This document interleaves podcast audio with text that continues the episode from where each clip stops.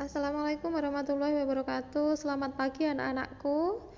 Hari ini ketemu lagi dengan Bu Dewi. Kita akan belajar materi IPS subtema 1 ya, tema 5.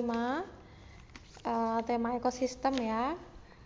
Hari ini kita akan belajar tentang letak dan luas Indonesia dalam peta dan juga tentunya komponen-komponen di dalam peta. Baik anak-anakku, untuk mengefektifkan waktu belajar kita, mari kita berdoa menurut agama dan kepercayaan masing-masing agar pembelajaran pada pagi hari ini berjalan dengan lancar sesuai dengan harapan kita. Berdoa dimulai. Berdoa selesai.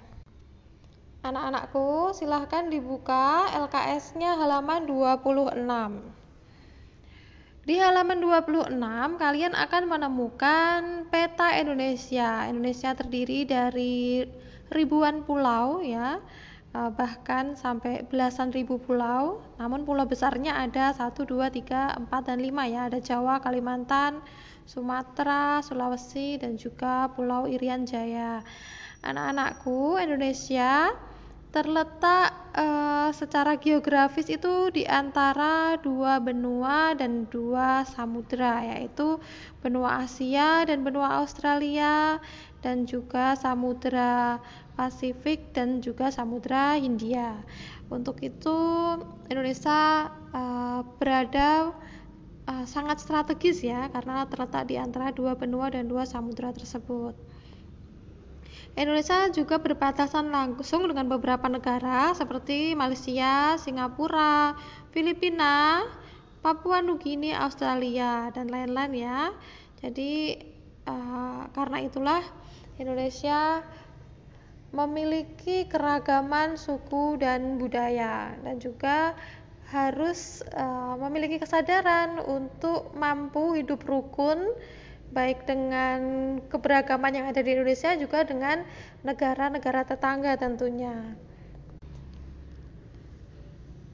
Wilayah Indonesia ini sangat luas ya, terbentang dari Sabang sampai Merauke. Ada lagunya kan dari Sabang sampai. Nah, itu ya, itu memang benar kenyataannya sesuai dengan lagu.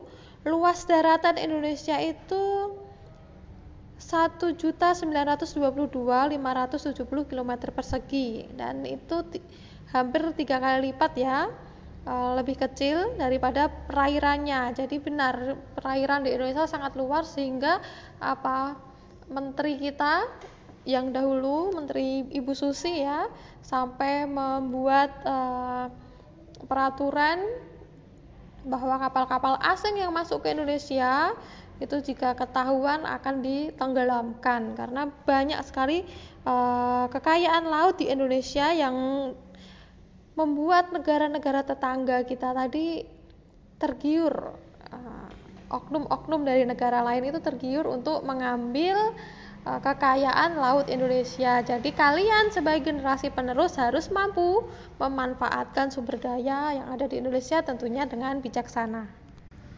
Anak-anakku, dari peta itu yang di halaman 26 itu tapi petanya tidak jelas ya. Nanti kalian bisa melihat di Google ya. Itu pada peta memiliki beberapa komponen, antara lain judul peta. Lalu di situ judulnya adalah letak dan luas Indonesia ya. Luas Indonesia yaitu petanya. Men judul peta itu mencerminkan isi sekaligus tipe peta. Nah, biasanya penulisan judul itu di atas ya, atas bagian tengah. Lalu skala peta. Nah, kalian kemarin matematika sudah uh, belajar tentang skala kan? Apa itu skala? Perbandingan jarak pada peta dengan jarak sesungguhnya. Nulisnya adalah satu banding titik-titik. Berarti artinya setiap 1 cm pada peta jarak sebenarnya adalah sekian cm pada jarak sebenarnya. Misalkan 1 banding 2.500 artinya setiap 1 cm jarak pada peta sama dengan 2.500.000 jarak sebenar cm jarak sebenarnya atau 25 km jarak sebenarnya. Yang ketiga adalah simbol. Nah, di simbol nanti ini ada macam-macam simbol ya. Kalau kota itu artinya ibu kota provinsi bawahnya itu adalah ibu kota kabupaten, kota madya, kecamatan. Kalau gunung itu digambarkan dengan bentuk segitiga. Kalau segitiga warnanya merah artinya gunung itu masih aktif atau gunung berapi ya. Lalu danau, lalu rawa-rawa, sungai, bandara dan juga pelabuhan. Selain itu, unsur peta ditandai uh, yang pertama komponennya selain itu adalah garis astronomis. Garis astronomis adalah garis khayal pada muka bumi. Garis-garis mendatar horizontal yang terdapat pada peta disebut sebagai garis lintang, garis tegak disebut sebagai garis bujur. Dan yang uh, kelima adalah legenda. Legenda adalah keterangan beberapa simbol yang digunakan pada peta untuk memudahkan pengguna peta memahami isi peta. Jadi akan ada uh, legenda ya. Jadi akan ada keterangan. Oh di sini itu artinya apa? Itu sudah ada di, di legenda. Oh garis ini di peta tersebut artinya adalah jalan utama. Kalau garisnya putus-putus itu ternyata adalah jalan kereta api. Lalu yang keenam adalah mata angin. Mata angin adalah pedoman utama arah mata angin. Mata angin yang mengarah ke atas menunjukkan arah utara dan sebagainya. Kemarin kita sudah bahas di apa namanya? di matematika ya, arah mata angin kalian sudah tahu. Uh, kalau ke atas ke utara, bawahnya selatan dan lain-lain. Baik anak-anakku, sekian pembelajaran pada hari ini. Nanti kita akan uh, bahas lagi tugasnya.